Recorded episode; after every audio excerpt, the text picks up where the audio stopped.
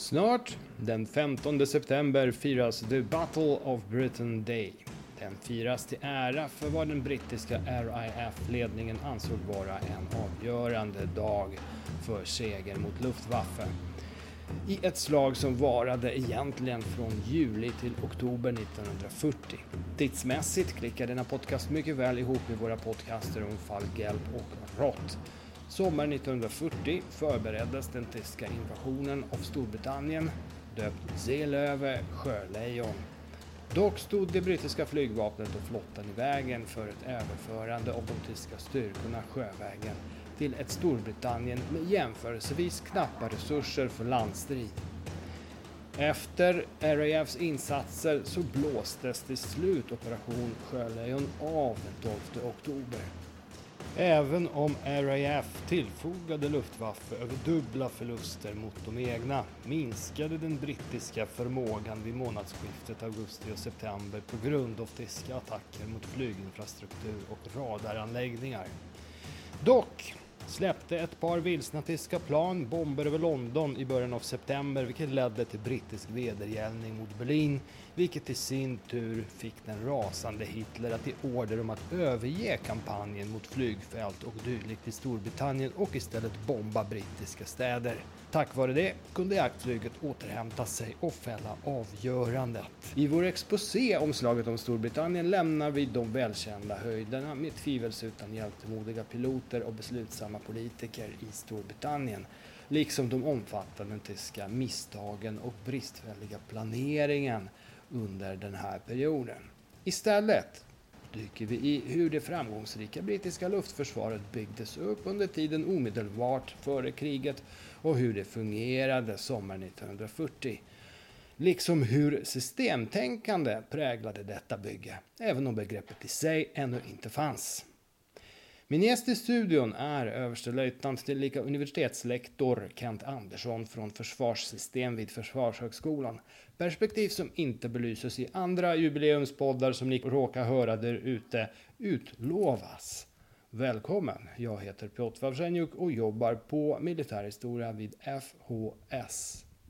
Kent Andersson inleder genom att tala om system av system och systemtänkande. System av system, det finns det många sätt att eh, beskriva och berätta och jag tror att eh, det finns nog lika många definitioner som det finns eh, beskrivare utav det. Det man kan börja med att säga är väl just eh, hur ser man på ett system? Eh, och, och där kan man ju, en, en vedertagen definition av ett system, det är ju helt enkelt att det är någon form av en uppsättning av olika element som på något sätt samverkar. Eh, och, och när vi som har en ingenjörsvetenskaplig bakgrund pratar om system, då lägger man också väldigt gärna till då att alltså det här är system som är skapade av oss människor och att då är de här elementen i systemet samverka för att uppnå ett visst syfte som bara kan uppnås när just de här komponenterna då samverkar. Så det är ett system. Ett system av system då, och, och det tror jag att eh, någonting som då kanske alla ändå är överens om, det är ju då när vi har ett... Eh, när komponenterna i ett system också kan sägas vara system. Det vill säga de har, de har ett eget syfte och har, kan så att säga utföra någon sorts uppgift på egen hand. De har en egen livscykel och de har någon egen eh, ansvarig för det själva systemet.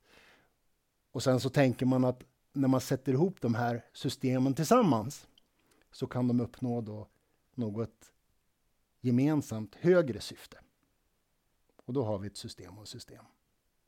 Väldigt ofta så pratar man ju om eh, system av system idag som att eh, det är när man vill beskriva ett väldigt komplext system så säger man också system av system. Det har också blivit så, vill jag påstå, att eh, system av system förknippas väldigt ofta med just de tekniska komponenterna i ett system. Eh, vi som är mer åt det sociotekniska eh, hållet, vi tänker ju att ett system består ju inte bara utav eh, teknik och tekniska komponenter utan det består ju faktiskt av människor och av organisation och, och doktriner och taktik och, och, och ja, all, all stödjande eh, utrustning och organisation som behövs i, kring det. Då. Och, och ett, man kan ju faktiskt i militära sammanhang så kan man ju då se ett förband som på något vis det typiska systemet. Det, det, har ju en doktrin, det har en taktik, det har tekniska komponenter, det har människor eh, som är utbildade för att lösa de här uppgifterna. Och gemensamt tillsammans, det här systemet då, är ju gjort för att lösa en militär uppgift. Någonting man bör komma bort ifrån då, det är just att vi, vi använder ju väldigt ofta ordet system, eh, lite, eh, lite grann som man använder ordet smurf. Eh, det, det, vi kan ju kalla allting för system. Och, och det tänker jag att där eh, borde vi ju faktiskt prata lite grann om systemtänkande också. För det är ju när vi, vi kan ju faktiskt ha nytta av att se vissa fenomen eller situationer som system. För det gör ju att vi kan, vi kan förstå en situation eh, sett som en helhet. Eh, och, och, det är ju egentligen så den generella systemteorin och det, och det som man också då drar, mm, mm. så att säga, när man säger att vi, vi, vi tänker i system eller vi, vi tillämpar systemtänkande. Så, så väljer man ju faktiskt att se en situation som ett system. Uh, och, och, det var ju egentligen den österrikiske biologen von Bertalanffy som eh, lanserade det här. Eh, hans arbete började väldigt tidigt, men böckerna eh, som jag har läst, de kom ut så slutet av 50-talet, början på 60-talet. Där han lanserade just den generella systemteorin som en tanke att vi behöver, vi behöver så att säga överbrygga mellan ola, olika vetenskapliga perspektiv på saker och ting. Eh, när världen blir allt mer komplex så kan inte vi ingenjörer hålla oss för oss själva och tro att det går att lösa de komplexa problemen bara med teknik. Utan vi, vi, vi, och biologerna för sin del eh, insåg ju också att eh, vi kan hämta kunskap från andra områden. Eh, för det finns likheter mellan, eh, vi, vi stöter på lite samma problem. Och, och, då tänkte man att har vi, om vi väljer att se saker som system så kommer det att vara användbart inom alla möjliga olika vetenskapliga discipliner. Och skapar vi oss då en egen, en gemensam Eh, ett gemensamt vetenskapligt språk, då den här generella systemteorin, så, så kan vi ju faktiskt dela med oss till varandra av eh, eh, vetenskapliga erövringar och nya kunskaper. Om jag färdas tillbaka flera månader i tiden, vi hamnar bredvid varandra under ett gemensamt jippo på Försvarshögskolan och du exemplifierar med slaget om Storbritannien som genombrott för systemtänkande och systemdesign. Jag blir intresserad, jag vill genast göra podcast. På vilket sätt var slaget om Storbritannien genombrott för systemtänkande och systemdesign? För oss eh, som har eh, hemvist i ämnet försvarssystem så är ju det här det är liksom en, eh, det första försvarssystemet därför att det, man faktiskt tillämpade systemtänkande. Eh, det, det, det råkade inte bara bli ett system, utan man, man tillämpade de här tankarna. Man kanske inte satte dem i, i, i, i, de här, eh, i den här orddräkten. Men det, var ett, eh, det fanns tankar på att skapa ett system av system. Och jag tror att vi kan säkert dra, dra startpunkten väldigt tidigt. Eh, redan alltså under första världskriget så, så stod man inför hotet av tyska bombningar eh, mot London. Och eh, man skapade ju ett eh, luftförsvar även då med eh, luftvärn och spärrballonger och sådana saker. Eh, och man skapade en organisation för hur man så att säga skulle samordna eh, luftvärnet och eh, luftförsvaret över London. Men man noterade väl ganska snart att det var väldigt det var svårt att eh, veta var anfallen skulle komma. Eh, det var svårt att få tillräcklig förvarning. Hur skulle man samordna informationen så att man så att säga kunde möta de här hoten när man behövde och där man behövde det. Så på något vis så hade man erfarenheter med sig från försvaret av London från första världskriget.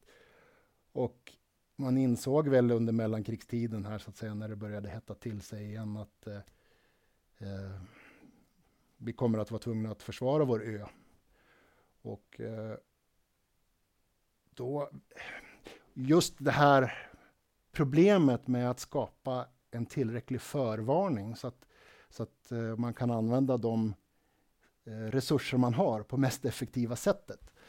Det, var säkert en, en tanke så att säga från början. Och, det, och när man nu ställdes inför eh, i mitten på 30-talet när man förstod att det här eh, kanske inte slutar så väl som vi hoppas. Så tillsatte man ju faktiskt en, en kommission, eh, Tissard-kommittén. Jag tror det var 1934. Och därför att det fanns en rad tidningsartiklar eh, som jag tror att tidningsrubrikerna, eh, det, det handlade om dödsstrålar. Eh, med hjälp av eh, vissa radiofrekvenser då, så kunde man påverka motorerna i flygplan och så vidare på avstånd. Man tillsatte då den här Tissard-kommissionen bland annat för att reda ut då de här sakerna. Finns det någon sanning i det här? Kan man med hjälp av radio eh, störa ut flygplan? Och frågan gick ju till James Watt, senare James Watson Watt, att reda ut det här. Och han hade en medarbetare som hette Wilkinson, eh, som han satte på eh, att räkna på detta är det ens möjligt eh, att använda eh, elektromagnetisk strålning på det här sättet? Och han kom väl ganska snart fram till, det tog nog inte lång stund innan han räknade ut att eh, de eh, energimängderna som skulle krävas och så vidare, det var, det var, det var inte tänkbart. Några dödsstrålar trodde man inte på. Men däremot eh, i de här efterforskningarna som Wilkinson och Watt eh, höll på med, eh, så noterade man ju att man kunde notera störningar i sin radiomottagare som härrörde ifrån att flygplan flög förbi. Och det eh, svarade då eh, Watt till den här Tissard-kommissionen att det här kunde vara ett intressant fenomen att undersöka. Det fenomenet kallas för fädning. Och det nappade då den här Tissard-kommissionen på direkt och eh, gav då en massa pengar till eh, ja, en förhållandevis mycket pengar på den tiden för att utföra eh, tester eh, genast. Då. Så att redan till sommaren 34 så, så genomförde man tester med eh, eh, bombflyg och eh, radioapparater. Och man noterade ju ganska tidigt att på relativt långa avstånd så kunde man notera den här effekten. Och eh, man fortsatte då direkt att utveckla den. Och, och, och, det här skulle ju då så småningom då bli radar. Eh, och de, de, brittiska eh, early warning eh, radarstationerna då, som, som kom att kallas för Chain Home. Chain Home eh, radarstationerna byggdes ju, började byggas så att de första eh, sattes upp och började fungera redan eh, 1938. Eh, och man, började, man byggde sådana här radarstationer. Saken var den att det här var ju naturligtvis tidig teknik. Det var enormt stora pjäser, eh, detta. Eh, och de var tvungna att stå vid, vid, kusten så att man skulle få så lång, så tidig förvarning som det bara gick. Eh, de kunde bara titta ut över havet då. Så att eh, när ett flygplan eventuellt då hade flugit över radarstationen in över land så, så då kunde man inte längre se det. Men då hade man ju som en del i det här systemet så behöll man ju eh, eh Royal Observatory. Eh, alltså observationstornen eh, eh Eh, runt om i Storbritannien. Då. Eh, så att där stod ju observatörer och såg de här flygplanen komma, mätte in dem och ringde in positionerna då till den här gemensamma eh, lägescentralen. Men man byggde sådana här radarstationer längs hela kusten och jag tror under första året, 38, när, när kriget bröt ut med Tyskland i, i, i september 39, så då hade man 40 sådana här radarstationer redan uppbyggda och man började ju naturligtvis i, i syd, sydöstra delen, däremot eh, franska kusten. Men sen så under kriget och eh, till när Battle of Britain började Eh, så då hade man ju byggt eh, radarstationer längs hela kusten och upp till Skottland. Och det här var ju ganska taffliga radarstationer, alltså när man tittar tillbaka så här då, det var dålig upplösning. Eh, men om man jämför med vad man hade innan, eh, och då, hade man ju, då, då satsade man egentligen på, på ljuddetektion. Och då kunde man detektera eh, flygplan på kanske eh, åtta kilometer liksom under de bästa förhållandena. Men ett bombflygplan som, som man upptäcker på åtta kilometer och så ska, ska man skramla ihop sin jaktflygdivision och skicka upp dem. Eh, så har man bombflygplanet över sig innan, innan flyg, jaktflygplanen är uppe. Men här, med de här radarstationerna, så såg man ju ganska snabbt att man, jag tror det första försöket man överhuvudtaget gjorde, så noterade man då att man hade ju 90 eh, kilometers upptäcktsavstånd. Mm, det är mer solitt. Ja, och då börjar vi, då är det ju, det är mer än 10 kilometer. Och, och, dessutom så hade man då de här upptagsavstånden i, även om natten och även när det var dåligt väder. Det är en fördel med radar. Och sen så att säga under den här prestandan, den utvecklades ju så att under slaget om Storbritannien då, då hade man, då kunde man ju se, jag tror i, i en, en, eh, uppåt 15, 16 eh, mil. Så man såg ju en bra bit in över Frankrike och över de tyska flygfälten där. Eh, även om man nu på grund av eh, avböjningen eh, bara kan se flygplan på hög höjd. Då, men bombflygplan som samlas, de samlas ju på hög höjd. Du menar att eh, det här sammanhanget, alltså att man kan prata om system av system, det är något som eh, uppkommer, det är en idé om hur man skulle kunna organisera och samordna eh, olika befintliga system som finns i ett mycket konkret huvud. Ja, precis.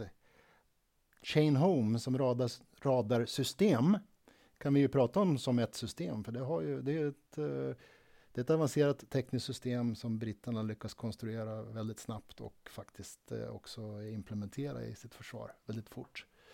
Eh, och det är ju en bedrift i sig.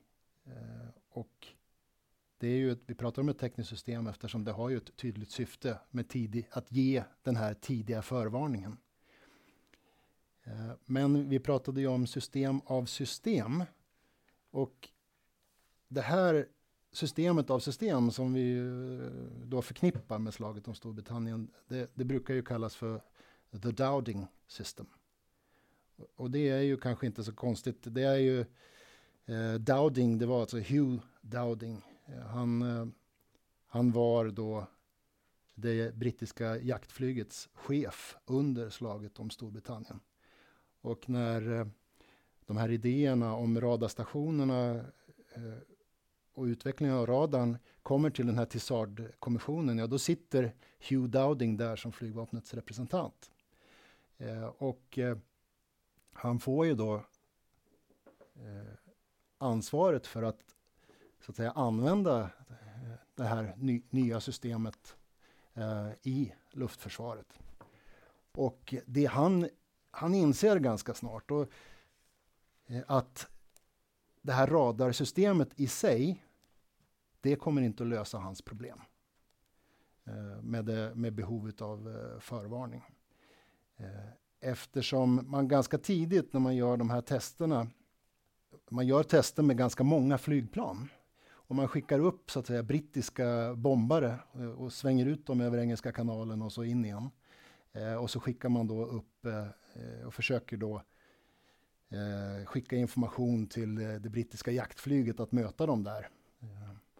Eh, och inte ens så att säga när, när eh, man faktiskt ger bombarnas positioner i förväg till eh, jaktflyget så lyckas man nå mer än... Eh, så, så, så, faller det sig inte bättre än att eh, cirka 70 procent av de här bombflygplanen, de kommer fram till London utan att ens ha sett ett jaktflygplan. Eh, och det, och det är helt enkelt så att det finns inget bra sätt att eh, överföra den här informationen ifrån radarstationerna till jaktflyget. Så att det, går, så att det blir användbart. Eh, och, och det är det problemet som Hugh Dowding ställs inför då. Och eh, det är ju här som, det, eh, som han gör eh, ett par stora eh, så att säga, innovationer. Och, och, det är väl just eh, Eh, filtreringen, brukar man säga, av eh, informationen ifrån eh, de här radarstationerna. Då. Så det, det kommer ju plottar. Alltså radarstationerna eh, ger ju riktning eh, och bäring till eh, de här analkande flygplanen och faktiskt också viss höjdinformation. Eh, och, eh, och det här brukar man ju då kalla för, eh, det är en plott, en position. och den här, det Dowding gjorde då, det var ju att sätta ihop en eh, rapporteringshierarki som fungerade i stort sett på det sättet att eh, ifrån radarstationerna så fanns det då eh, telefonoperatörer som talade in de, var är de här positionerna, var är plottarna någonstans? Det talade man över så att säga, telefonlinor då till ett rapporteringsrum eller ett filterrum eh, i det brittiska jaktflygets kommandocentral. Då. Eh, och där så tog man emot den här plotten. Man översatte den då till ett, eh, till ett företag eller ett målspår som man så att säga lät mm. uppdatera med plottar ifrån eh, radarstationerna. Och redan där har man ju då minskat eh, den intressanta informationsmängden. Och, och, det var ju ett sinnrikt system där när rapporten kom in till det här filtreringsrummet, då hade man, så att en, då hade man en eh, klocka i operationsrummet med lite olika färg eh, för varje så att säga, fem minuter under en timme. Och sen så satte man då, en plott fick då den färg eh, som eh, den tidsstämpel då när plotten kom in. Eh, och sen la man ut den på ett stort kartbord. Och, eh, eh på, och sen så satte man då en, en kloss på eh, längst fram, där den senaste positionen var. Så hade man så att säga ett målspår, hade man då skapat där. Och, eh, och där kunde man ju också då sätta att det var en fiende eller en, en, en egen. Så att där skapade man så att säga en centraliserad luftlägesbild på ett ställe på ett gigantiskt stort kartbord över hela Storbritannien. Sen hade man gruppcentraler, fyra stycken under eh, slaget om Storbritannien, då, som delade in Storbritannien i fyra olika delar. Eh, och då gjorde man helt enkelt så att då fanns det telefonoperatörer då i det här filterrummet som rapporterade de intressanta målspåren då till de här gruppcentralerna. Eh, och där återskapar man då eh, luftlägesbilden i, i, lite större skala för sitt eget eh, intresseområde. Då. Och där hade man så att säga filtrerat bort onödig information för, för just den gruppcentralen. Sen de här gruppcentralerna i sin tur, då rapporterade de vidare de här målspåren då till sektor, de olika sektorerna. Mm. Och de här sektorerna i sig då, de var ju ofta samgrupperade med eh, flygbaserna och flygfälten och eh, flygdivisionerna. Då. Så att eh, i, i sektorerna här så fick man ju då bara den information som var intressant för den sektorn. Eh, och eh, i sektorn då så kunde eh, så satt man också eh, och, och, kunde leda då jaktflygplanen eh, på radio. Och man kunde ju då ge dem bara den information de behövde för att starta, eh, flyga till kontakt med de fientliga eh, bombflygplanen, eh, göra sitt jobb och återvända till basen. Innan det här systemet så det enda sättet då att, så att säga, hantera det här med den korta förvarningstiden, det var ju att ha väldigt många jaktflygplan i luften och göra så kallade jaktsvep. Så man låg hela tiden i luften och där det då råkar komma eh, fientliga eh, bombflygplan som man skulle bekämpa, ja då var man ju i regel då, då gällde det att ha tillräckligt många flygplan i det området också för att kunna göra jobbet. Och, och då förstår man ju att eh, man måste ha väldigt många flygplan i luften. Och måste man ha väldigt många flygplan i luften, ja då måste man ju naturligtvis ha många flygplan på marken som klargörs och som repareras och så vidare.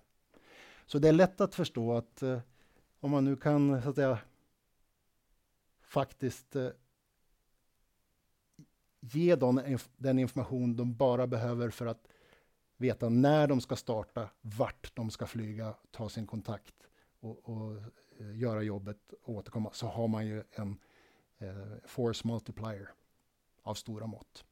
Och det var ju det som det här då, systemet av system med radarstationerna, eh, med de här, den här rapporteringshierarkin, med de här centralerna, eh, med eh, eh, så att säga de här procedurerna med hur man skulle leda flyget mot bombflygplanen. Det är ju det som är ett system av system. Jag skulle också vilja lägga till eh, en intressant eh, bit här för att ytterligare peka på att det är så många så att säga, perspektiv som spelar in här i det här systemet av system. Man noterade ju ganska snart också att eh, de här operatörerna som ledde de brittiska jaktflygarna, det måste vara eh, jaktflygare det också. Därför att det visade sig ju snart att om man så att säga satte så kallade pen pushers eh, på de positionerna eh, Eh, så var då jaktflygarna benägna att eh, göra egna utflykter och börja eh, leta efter mål själva. Eh, och då förlorar man ju den här eh, så att säga, systemeffekten. Utan, men satte man då en jaktflygare, eh, någon med auktoritet där, som, som då kollegorna i luften visste att de förstod miljön och eh, kraven, eh, då lyckades man få till den här systemeffekten. Så man nyttjade då flygförare typiskt som, som, eh, som var skadade eller på något vis eh, på marken i övrigt eh, för att lösa de här uppgifterna. Så att de andra inte förföll i gamla vanor? Ja, så att det, det, är liksom psykologi, det är teknik, det är organisation. Alla de sakerna ingår i det här systemet av system. Men Kent, apropå radar. Vi pratade om radarutveckling alldeles nyss. Tyskarna var ju drivande inom utveckling av radio. De var ju tekniskt ganska framstående. Ingenjörsnation. Eh, vad var det som fattades dem i den här utvecklingen? Eh, jag håller med. Det är ju lite, lite märkligt. Eh, eh tyskarna tillhörde ju så att säga eh, innovatörerna. Bland innovatörerna inom radar så var, ju, var det ju flera tyskar. Eh, och eh, vid den här tiden så fanns det ju tyska radarstationer som löste samma uppgift som Chain Home. Eh, de kallades för, för Freja. Eh, deras radar. Det, var mer avancerat.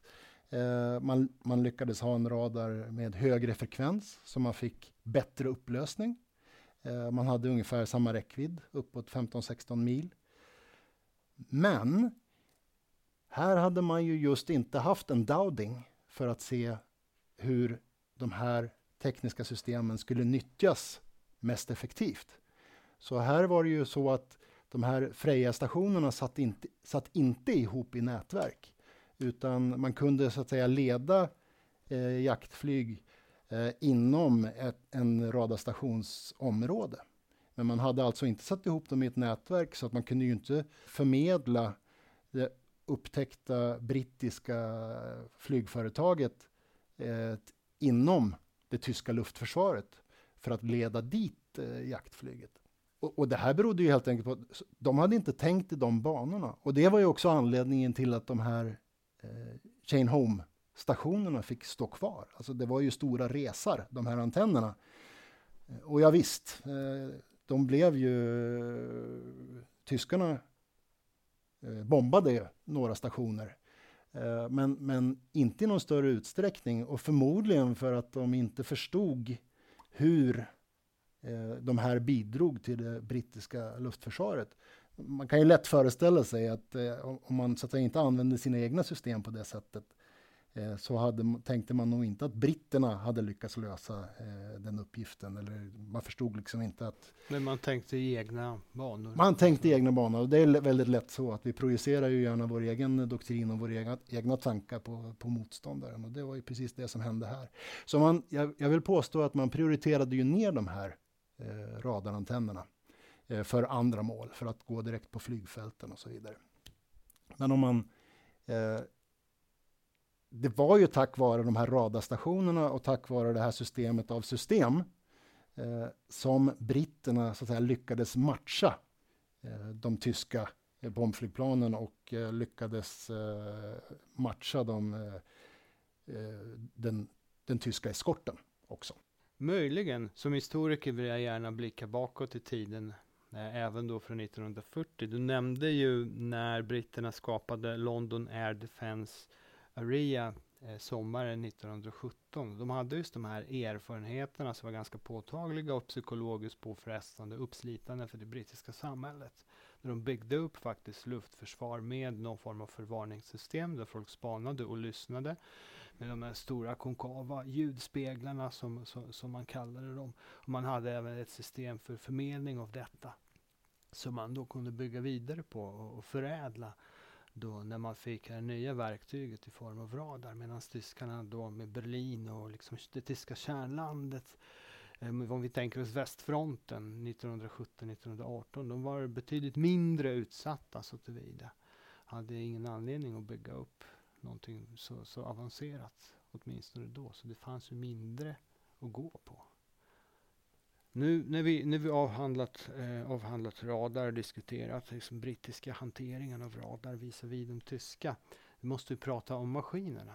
Det är ju naturligtvis så att eh, eh för en eh, flygofficer så Supermarine Spitfire är ju ett, ett fantastiskt flygplan och eh, fascinerande på så många sätt.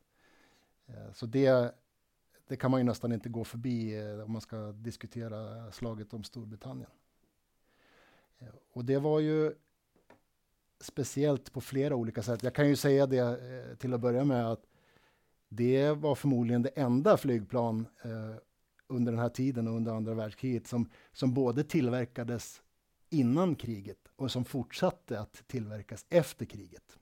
Det säger ju någonting om hur eh, lyckosamt eh, den designen var. Och flygplanet eh, föddes ju ur, eh, ur eh, brukar man säga, ur eh, de här, det fanns farttävlingar, Schneiderpokalen.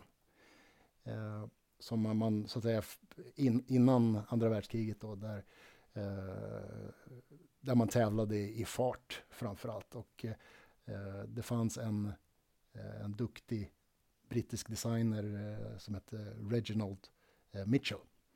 Som eh, var väldigt framgångsrik i de där tävlingarna. Eh, och eh, han, eh, han fick ju i uppdrag att rita ett flygplan till britternas luftförsvar. Och han gjorde det. men just den första versionen, den som han ritade, den blev inte så lyckosam eh, av lite olika anledningar. Eh, utan det var, det var ett annat flygplan som, eh, som då föll brittiska försvarsdepartementet på, på läppen, det brittiska flygvapnet. Eh, men hur, hur, det nu var så, Mitchell han gick hem på kammaren och så funderade han tillsammans med sina ingenjörer hur, hur skulle vi bygga om vi fick fria händer och, och bygga eh, ett eh, jaktflygplan. Och eh, då var det ju just eh, eh att bygga ett flygplan kring den här Merlin-motorn. Den fantastiska Merlin-motorn, V12. Eh, och eh, på runt tusen hästkrafter var den väl.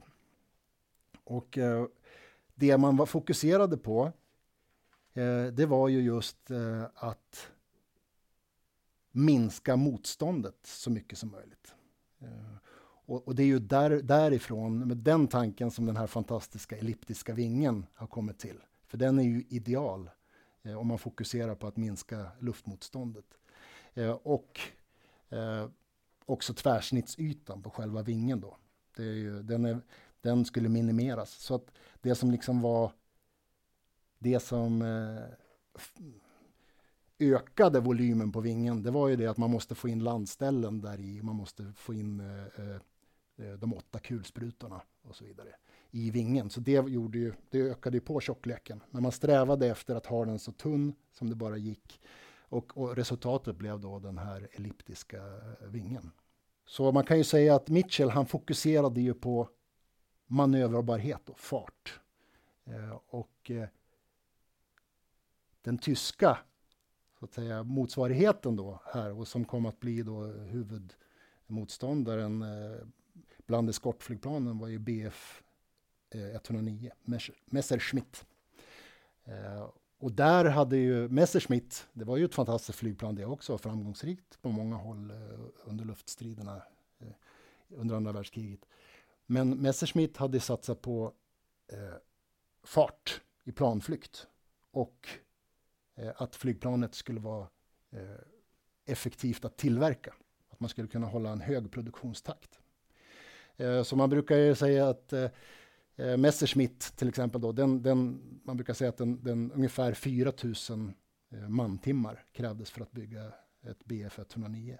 Medan ett Spitfire krävde då runt 14 000 eh, mantimmar tack vare eh, eh, den här vingen bland annat och eh, den nya monokockkonstruktionen där så att säga skalet eh, är en del av eh, den lastbärande konstruktionen.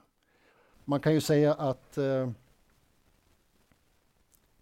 det här systemet passar ju som hand i handsken i våran system av systemtanke här.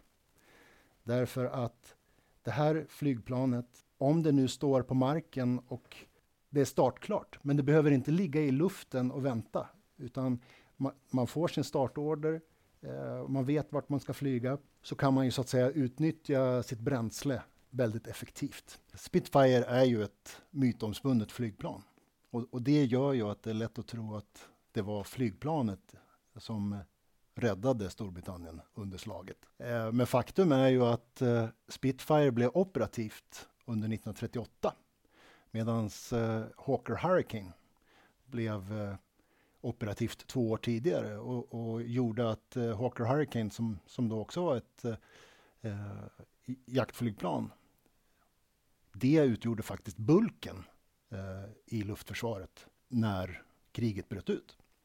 Eh, jag vill minnas att man hade någonstans eh, runt 700 eh, Hurricanes eh, när slaget om Storbritannien inleddes medan man hade lite drygt 300 Spitfires. Eh, och Hawker Hurricane, det var ju då ett...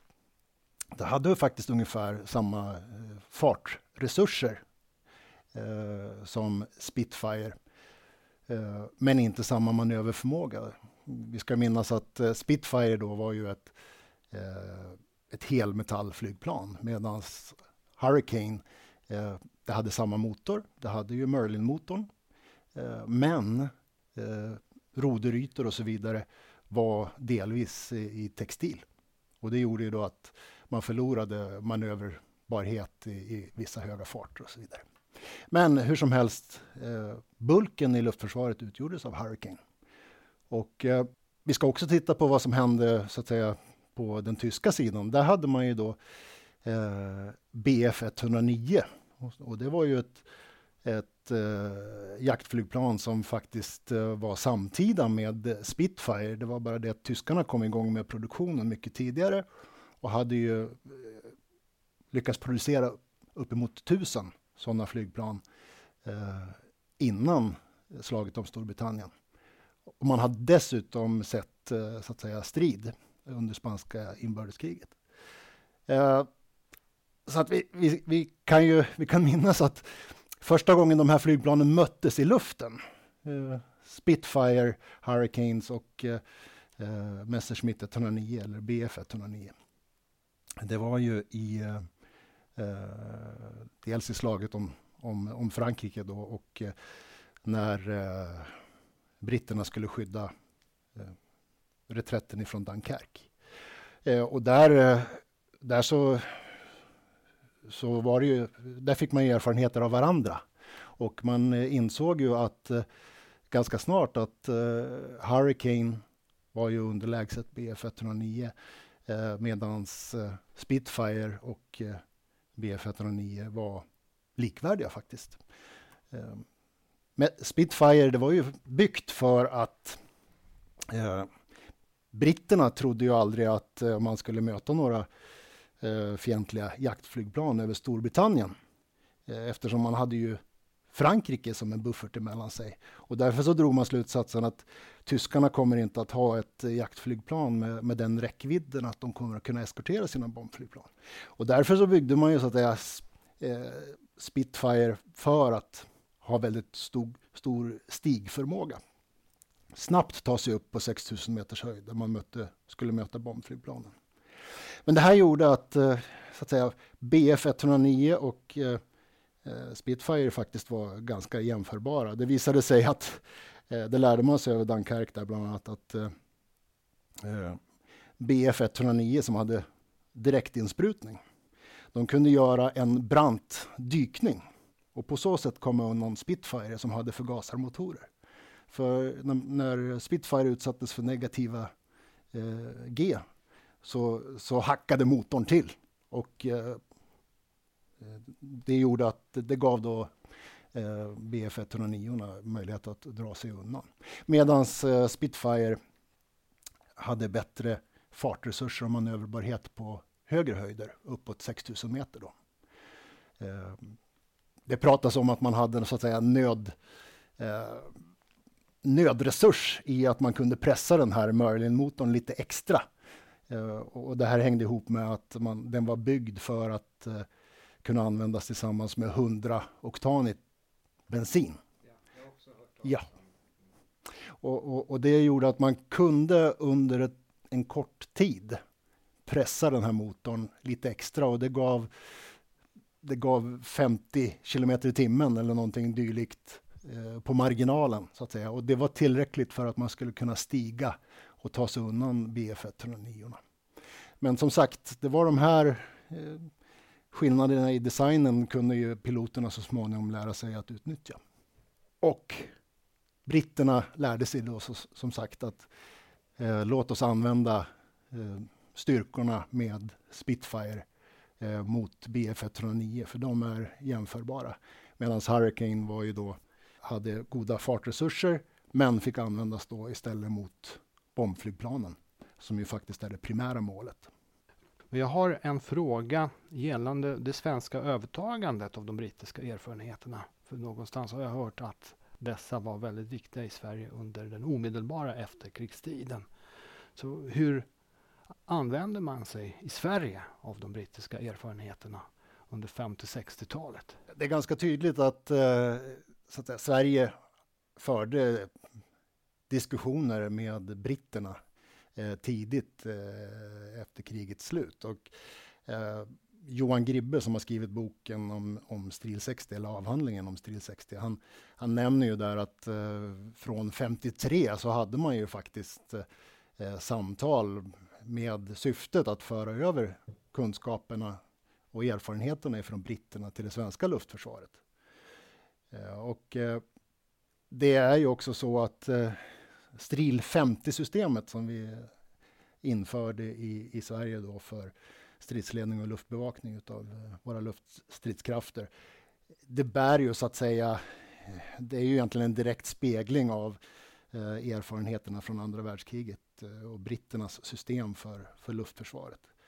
Eh, och där har vi ju våra stridsledare som sitter ute på radarstationerna och kan stridsleda eh, flygplan därifrån och hur vi sammanställer den här informationen också för säga, taktisk ledning av flygvapnet i, i, i strilcentraler. Men så att säga, redan från början av eh, 60-talet så, så i de här samtalen med britterna så, så är man ju ganska framåtblickande och förstår att eh, så det, det, det, stora hotet framöver kommer ju att vara eh, Sovjet. Och eh, man, blir, man diskuterar så att säga det, hot som har börjat framväxa att eh, Sovjet kommer att eh, vilja ha då ett, eh, ett strategiskt bombflyg. Och att eh, vi så småningom, så att säga, det här strategiska bombflyget eh, kan ju komma att eh, bära eh, atomvapen. Och då, eh, då någonstans här så inser man ju, så att säga, inser ju Sverige att det här är ju ett, eh, eh det här är ett existentiellt hot emot eh, Sverige och vi har ingenting som kan möta ett sådant hot. Och, och därför så, de här systemtankarna, de tar ju verkligen rot här. Eh, och eh, man tänker ju i ett eh, så att säga, luftförsvarssystem redan här. Att, och, och, och, så småningom så utvecklar man ju J35 Draken då med uppgiften just att kunna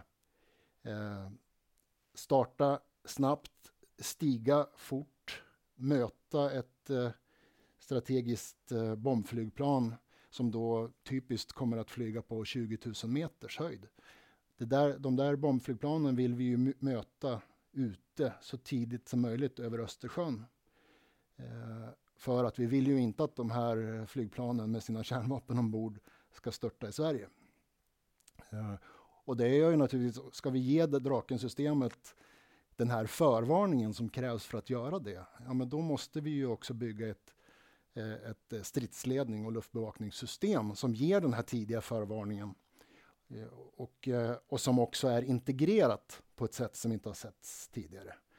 Och det leder ju till alltså Stril 60-systemet där vi ju faktiskt har där vi utnyttjar utvecklingen i eh, elektroniken och eh, informationsteknologin så att säga och dator, eh, datorprestandan som håller på att växa fram.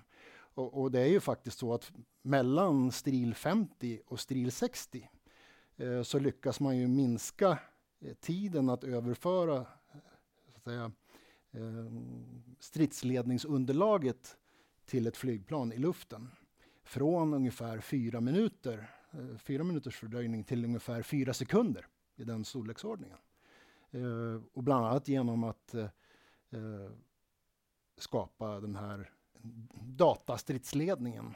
Vi behöver, alltså stridsledaren behöver inte tala med piloten utan kan direkt överföra eh, underlaget och eh, styrinformationen, styrdatat direkt till jaktflygplanet i luften.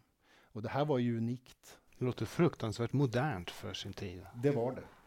Eh, och jag skulle vilja säga att det där det där har ju levt vidare i flygvapnet. Den där systemtanken skulle jag vilja påstå att den, det är en tradition som är djupt rotad i, i flygvapnet och innebär ju också att vi har det systemtänket eh, i flygvapnet även idag det är också så att när vi, vi, pratar, om, när vi pratar om systemtänk då, så, så ser man ju att eh, eh, de här tankarna förvaltas ju vidare i, i, i, det som vi hör i perspektivplaneringen idag. Eh, så där diskuteras ju system i samverkan och hur vi ska åstadkomma det. Hur, hur en plattform i nätverket så att säga ska kunna upptäcka mål, följa mål, medan eh, en annan nod i det här nätverket, en annan plattform i nätverket eh, ska smyga fram och få sina vapen att bära. Och att man så att säga på det viset ska kunna skapa en systemeffekt för att möta en numerärt överlägsen eh, motståndare. Ett annat tecken på att det här systemtänket eh, lever i allra högsta grad, det är ju just att eh, här på Försvarshögskolan så omvandlas ju ämnet militärteknik eh, till det ämne som vi kallar för försvarssystem idag och som vi bedriver masterutbildning från och med förra hösten. Tack Kent. Det var mycket vänligt att ställa upp och vi hoppas att Kent återkommer till oss i andra sammanhang och delar med sig av sina erfarenheter. Har ni lyssnat ända hit, då förtjänar ni att veta att vår nästa podcast som kommer i början av oktober kommer att handla om de gemensamma svensk-finska planerna på försvaret av Åland under mellankrigstiden. Tills dess får ni hålla till godo med det befintliga stoffet. Tack för att ni lyssnade och på återhörande.